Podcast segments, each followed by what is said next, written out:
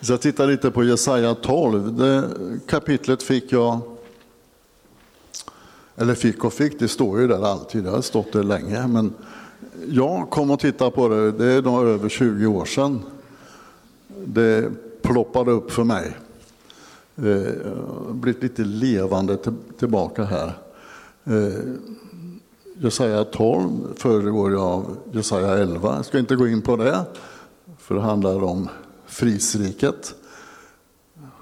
Kommer ju senare. Men eh, i min bibel står det så här, det frälsta Israels lovsång. Och jag har alltid fascinerats av Jesaja. Det, denna, kanske den profet jag gillar mest, om man får gilla någon mer. Han har helheten. Jesaja kallas också för Eh, den lilla bibeln. Den har helheten över hela skeendet fram till slutet, från början till slut. Och det, det, är fantastiskt att läsa. Det är mycket, men jag gillar att läsa, jag tar gärna till mig det här positiva som finns. Det finns mycket positivt, man brukar säga så här att eh, från första kapitlet till fyrtionde kapitlet så handlar det mycket om dom. Det finns en del profetiska kapitel som är positiva också där. Men från 40 och framåt till 66 så är det trösteboken som gäller och det kommer ju väldigt mycket in. Jesaja 12 är väldigt spännande för mig. Och, och eh, det är ett ord det börjar med i vers 1, på den dagen, står det där. Och det, det här orden kommer ofta tillbaka i hela Jesaja kan man se och, och bland profeterna på den dagen. För mig blev det så här att om man går till vers 1 där, på den dagen, vilken dag då? Jo, när jag blev född på nytt. När jag blev troende på Jesus. Då tackar jag Herren för han var vred på mig. Och varför var han det? Jo, därför att jag var som alla andra, vredens barn. Står det i Efesierbrevet 2. Vi var alla vandrade vi under luftens Herre. Men Gud som är rik på barmhärtighet, han frälste oss så att säga, så att vi kom loss från det. Så den här vreden har alltså upphört och nu tröstar han mig. Det är en tröst, alltså den helige ande, eller Guds ande, eller Gud, eller Jesus, de tröstar mig då när jag kom in i hans rike. Och då kunde jag ju sjunga med den här kören. Se Gud är min frälsning, jag är trygg och inte rädd. Det betyder ju inte för mig att jag inte blir rädd någon gång. Jag blev rädd när jag fick panikångest på 20-talet, eller strax före, på 1990-talet. Det är klart man blir rädd. Och, och eh, så det kan hända sådana här situationer. Men, har jag, men Gud uppehåller mig, Gud tröstar mig. Han är min frälsning. För Herren är min styrka och min lovsång. Han har blivit min frälsning. Det känner vi igen från den här kören vi sjunger här. Det är när vi sjunger rakt av. Och den Herren är min starkhet och min lovsång står i i, i liksom tidigare översättningar. Och det här finns tre gånger i hela Bibeln. Första gången som den här versen, Herren är min starkhet och lovsång, det är andra Mosebok 15 och 2. Det är när man har kommit över Röda havet. Så då ger man Herren det. kan ni läsa när ni kommer hem. Det är ett fantastiskt kapitel där. Sen kommer det i psalm 118 också. Där finns den också med Herren är min starkhet och min lovsång. Och så kommer den fram här i Jesaja 12. Tre gånger. Och det, det, det är en väldig styrka i det. Va? Och så kommer den här versen. Därför, står det i engelska bibeln. Men, står det här i svenska. Men med fröjd ska jag ösa vatten ur frälsningens källor. Och då kan vi gå in till Johannes 7.37. För det är ju det här, det här kapitlet det användes också i, i, i lövhyddohögtiden. Va? När man öste vatten.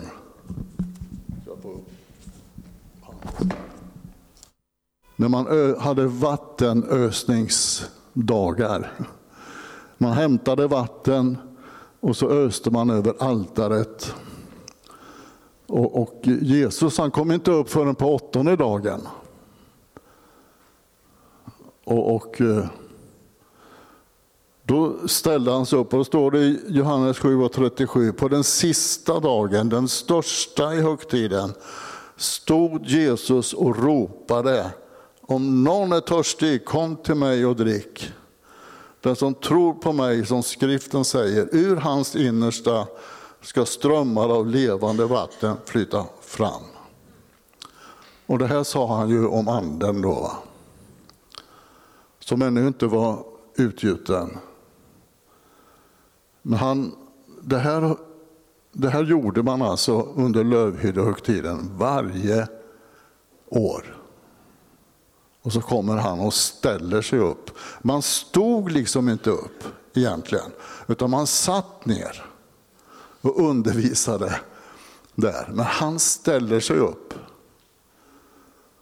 Och det här skapade ju uppståndelse.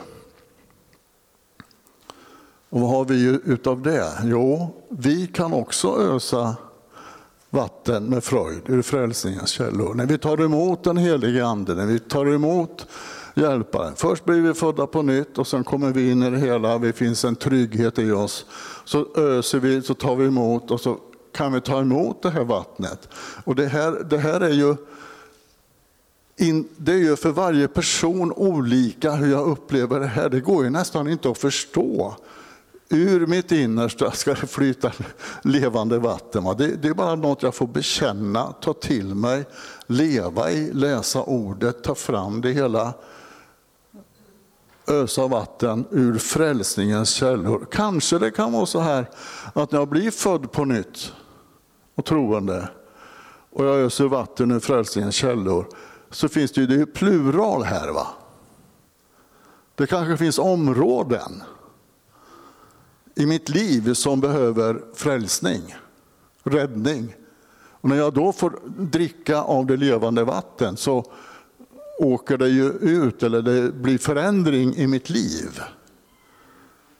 Så har jag känt i alla fall. I hela den här historien från 1975 och framåt tills idag.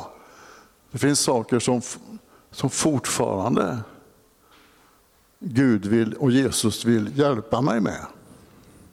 Och därför så kan jag bara lugnt finnas där. Sen kommer nästa vers. Och kommer det här igen, på den dagen. Vilken dag då? Jo, när jag öst vatten med fröjd ur frälsningens källor. Och kommer det en ny dag. Och då kommer jag in i någonting. Då ska jag plötsligt, ska vi plötsligt säga något. Då ska vi tacka Herren. Åkalla hans namn. Och jag har två ord jag kommer att ställa till varje punkt här. Var gör jag det? Och när gör jag det? Ja, jag kan ju tacka honom, åkalla honom, var som helst. När? Ja, också hela tiden kan jag tacka honom och be. Det säger ju Paulus. Va? Men jag kan också vara lyssnande till Herren vad han säger åt mig att göra. När ska jag åkalla honom? När ska jag göra det? Jag vet en broder som var hos oss för länge sedan. Han heter, han heter Tom Ingels. Han talade om lovsång och tacksägelse. Och då, då berättade han när han åkte hiss. Han var från Sy Sydafrika. Han åkte hiss. en hel del folk i hissen, kanske 8, 9, 10 personer. Och då kände han Herren, han upplevde att Herren sa till honom, lyft upp dina händer och prisa mig. Ja, då gjorde han det. Och han tänkte, nu, nu, det här är ju helt galet. Men han gjorde det i alla fall, och så gick han ut. Så var det en annan gång, då var han ute och jogga. Och då sprang han in, kom han ner och så såg han att det kom lite folk emot honom. Och då upplevde han att han att Herren sa, lyft upp dina händer och prisa mig nu när, jag, när du joggar här. Och då gjorde han det. och då sa, han, det här, då sa Tom till Herren, det här blev du väl imponerad av? Nej, sa Herren, det blev jag inte, men du, du gjorde ju som jag sa. Han var en härlig kille, han var en av Afrikas bästa artister också. Han, en fantastisk kille. Men tacka honom, ära var och när. Gör hans gärningar kända bland folken. Det är samma fråga där. Var gör jag det? När gör jag det? Och här kommer vi lite närmre in till Herren tror jag, för att här måste, behöver vi kanske lyssna in var jag ska vara. När jag ska göra det. Det är inte självklart att göra det överallt. Utan jag måste kanske ha lite mera ett lyssnande öra till Jesus, vad han säger. Och Det tror jag är bland de viktigaste sakerna idag, det är att kunna lyssna in vad Jesus vill jag ska göra. Vi får gå i förutberedda gärningar, som Efesierbrevet också tar upp. Förkunna att hans namn är högt. Det hör ju kopplat till det här att gå ut och göra gärningar. Och det är samma där. Var någonstans predikar jag? När gör jag det? Du och jag kan predika, vet du det? Vittna säger vi mycket. Men vi skulle lika gärna kunna säga predika, förkunna. Nej, det törs jag inte. Jag, har, jag är inte utbildad. Jag har ingen teologisk utbildning att, så att jag kan predika. Nej, men studera lite då. Ta och titta lite på, är du intresserad av att, att, att inför människor i en grupp eller någonstans eller finnas och predika? Så ta vara på det. Fråga bara Gud, var ska jag göra det? Och när ska jag göra det? Så att det bär frukt ordentligt. Va? Så kommer det här med lovsång. Det är ju viktigt alltså. Lovsång, det ska vi ha. Och det, det är ju lovsjung Herren, för han har gjort härliga ting. Låt det bli känt över hela jorden. Det är samma fråga där. Var någonstans lovsjunger jag? När gör jag det? Ja, jag kan lovsjunga när som helst. Jag kan lovsjunga var som helst. Det beror, jag måste ändå lyssna in. Kan, det, det, är ju inte jättebra att ställa sig upp på en buss och bara lovsjunga rakt ut utan att ha pratat med Herren först. Då kanske jag åker av bussen. Va? Får inte sitta kvar längre. Om jag sjunger ner att jag ska dansa med triumf på ormens huvud. men det, nej, men, nej, men jag kom på mig häromdagen, jag satt, jag satt i en busskurs och började sjunga. Nu, nu var jag ensam faktiskt, men min lovsång går ju upp till Gud. Jag sjöng blott en dag, ett ögonblick i sänder. Så gammal är jag. Vet du. Men jag tog till mig det här alltså. Texterna som fanns, jag sjöng det till Herren. Och det, det, det här, men sen tror jag det finns den stora kören. När vi är tillsammans så här, så är det, är det vi som är kören. Det, det är inte de lovsångarna som är kören, som lovsjunger, utan det är vi Det här ordet lov, sjung Herren här, det är ordet samar. Det har med orkester att göra. Och det, det är helheten. Och det, låt det bli känt över hela jorden. Tänk, tänk vad mycket lovsång och lovprisning det går upp till Herren en sån här dag. Över hela jorden. Men den ska fortsätta hela veckan, va? varje troende. När jag lovsjunger Gud var jag än är så tar jag med mig det in till gudstjänsten. Ja, men säger du, jag känner så att nej, jag mår dåligt idag, det är jättejobbigt alltså. Ska jag sjunga de här glada sångerna nu igen? Det... Nej, men jag får väl börja tacka Gud så småningom då. Så att jag... För det är aldrig fel att tacka, lova och prisa Herren. Hur jag än mår, fast det kan vara svårt när det är, när det är tufft. Så att säga. Va? Så kommer den sista versen, här, vers 6. Ropa av fröjd och jubla. Och här har vi problem. Det blir, om vi är många, alltså jag har varit med så många år. Och när man sjunger en, en lovsång där ordet jubla kommer in, då blir det något hest. Det blir inget jubel. va? Det är lite svårt att jubla på kommando. Det är inte så lätt. va? Det är lättare att prisa Herren och ropa kanske och säga halleluja, prisa dig. Men jag,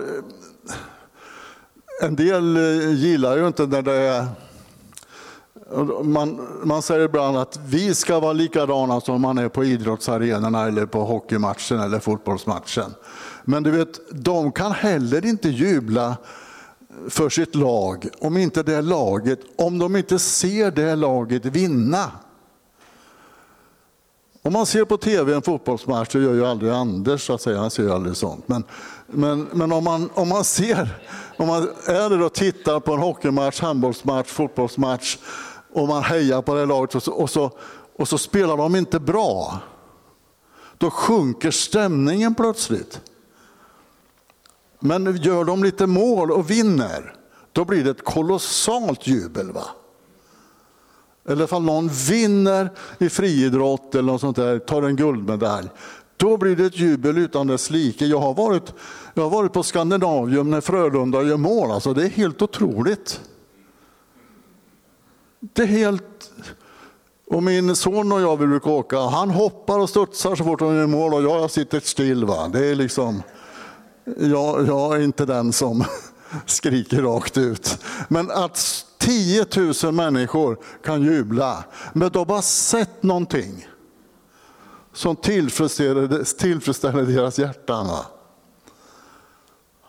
Och det är därifrån. Så visst kan man jubla hemma, du kan jubla när du går i skogen, du kan ropa och jubla över att Israels som det står, helige är stor. Han är mitt ibland er. Men ju fler vi är som läser en sån vers och vi börjar så här, va? det handlar inte om känslor, det handlar inte om psyket, det handlar om mitt inre liv, att jag vågar jubla. Men det, det, det är lite svårt det där i alla fall. Det, det är inte helt lätt. En del av vi är olika. Vi nu ska vi titta på Sefania 3 och 14. Och det, varför plockar jag fram det då? Jo, därför att det står i min bibel så är det parallellställen till Jesaja 12. Jesaja 3 och 14. Då kommer det ordet jubla igen där. Va? Och det är kopplat till den här sista versen. Jubla, dotter Sion. Jag ska ta en en sak till att säga dotter Sion, vad är det? Ja, jag kan inte förklara det riktigt. Men vi vet i alla fall att skiljemuren mellan det judiska folket och församlingen, alltså hedningarna, är nedbruten. Så den finns liksom inte längre. Va? Så därför så är vi tillsammans på det sättet. Ropa av glädje Israel. Var glad och fröjda dig av hela ditt hjärta hjärta, dotter Jerusalem. Det här är ju bara att välsigna Jerusalem, välsigna Guds plan för Israel. Så att säga. Herren har tagit bort straffdomarna från dig och röjt bort din fiende ifrån församlingen och från där vi är. Fienden finns va? Han är väldigt aktiv idag. Men från oss, med oss är han inte. Det har skett i, i, i, i Herrens vilja, i Guds rike. Herren, Israels konung eller kung, bor i dig.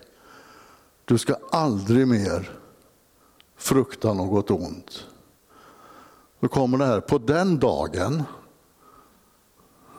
kommer det igen där. Ska det sägas till Jerusalem, ska det sägas till Gunnar, ska det sägas till Anders, ska det sägas till församlingen, Fristaden, Pingstkyrkan, kyrkan, Uddevalla. Och ska det sägas, var inte rädd. Låt inte dina händer sjunka. Och så kommer den här versen som är så fantastisk tycker jag. Herren, din Gud bor i dig. En hjälte som frälser. Då är vi tillbaka till det här frälsningens källor. Han frälsar dig, han räddar dig, han finns där. Han bor i dig, en hjälte som kan frälsa, står det i en annan översättning. Han gläder sig över dig med lust. Jag är ingenting, jag är inte mycket värd alltså. Det var svårt när jag var liten och det var tufft. Och jag är ensam idag. Det... Men Gud ser inte så på dig och mig. Han ser att jag gläder, han gläder sig över dig med lust. Och då står det, han tiger stilla i sin kärlek. I engelska översättningen, King James, står det så här, He quiet you with his love. Han lugnar ner dig. Och han fröjdas över dig med jubel. I engelskan igen så står det att han är så glad över dig så att han sjunger. Jaha, gäller det mig eller gäller det Israel eller gäller det bara Kristi kropp? Det är, jag tillhör ju Kristi kropp så det måste ju gälla mig. va? Det är grunden för mig egentligen. Och det här har blivit lite nytt för mig igen. För jag, jag, börjar, jag använder de här verserna som en bönemall kan man säga, Jesaja 12. Det går att ha det som en liten bönestund.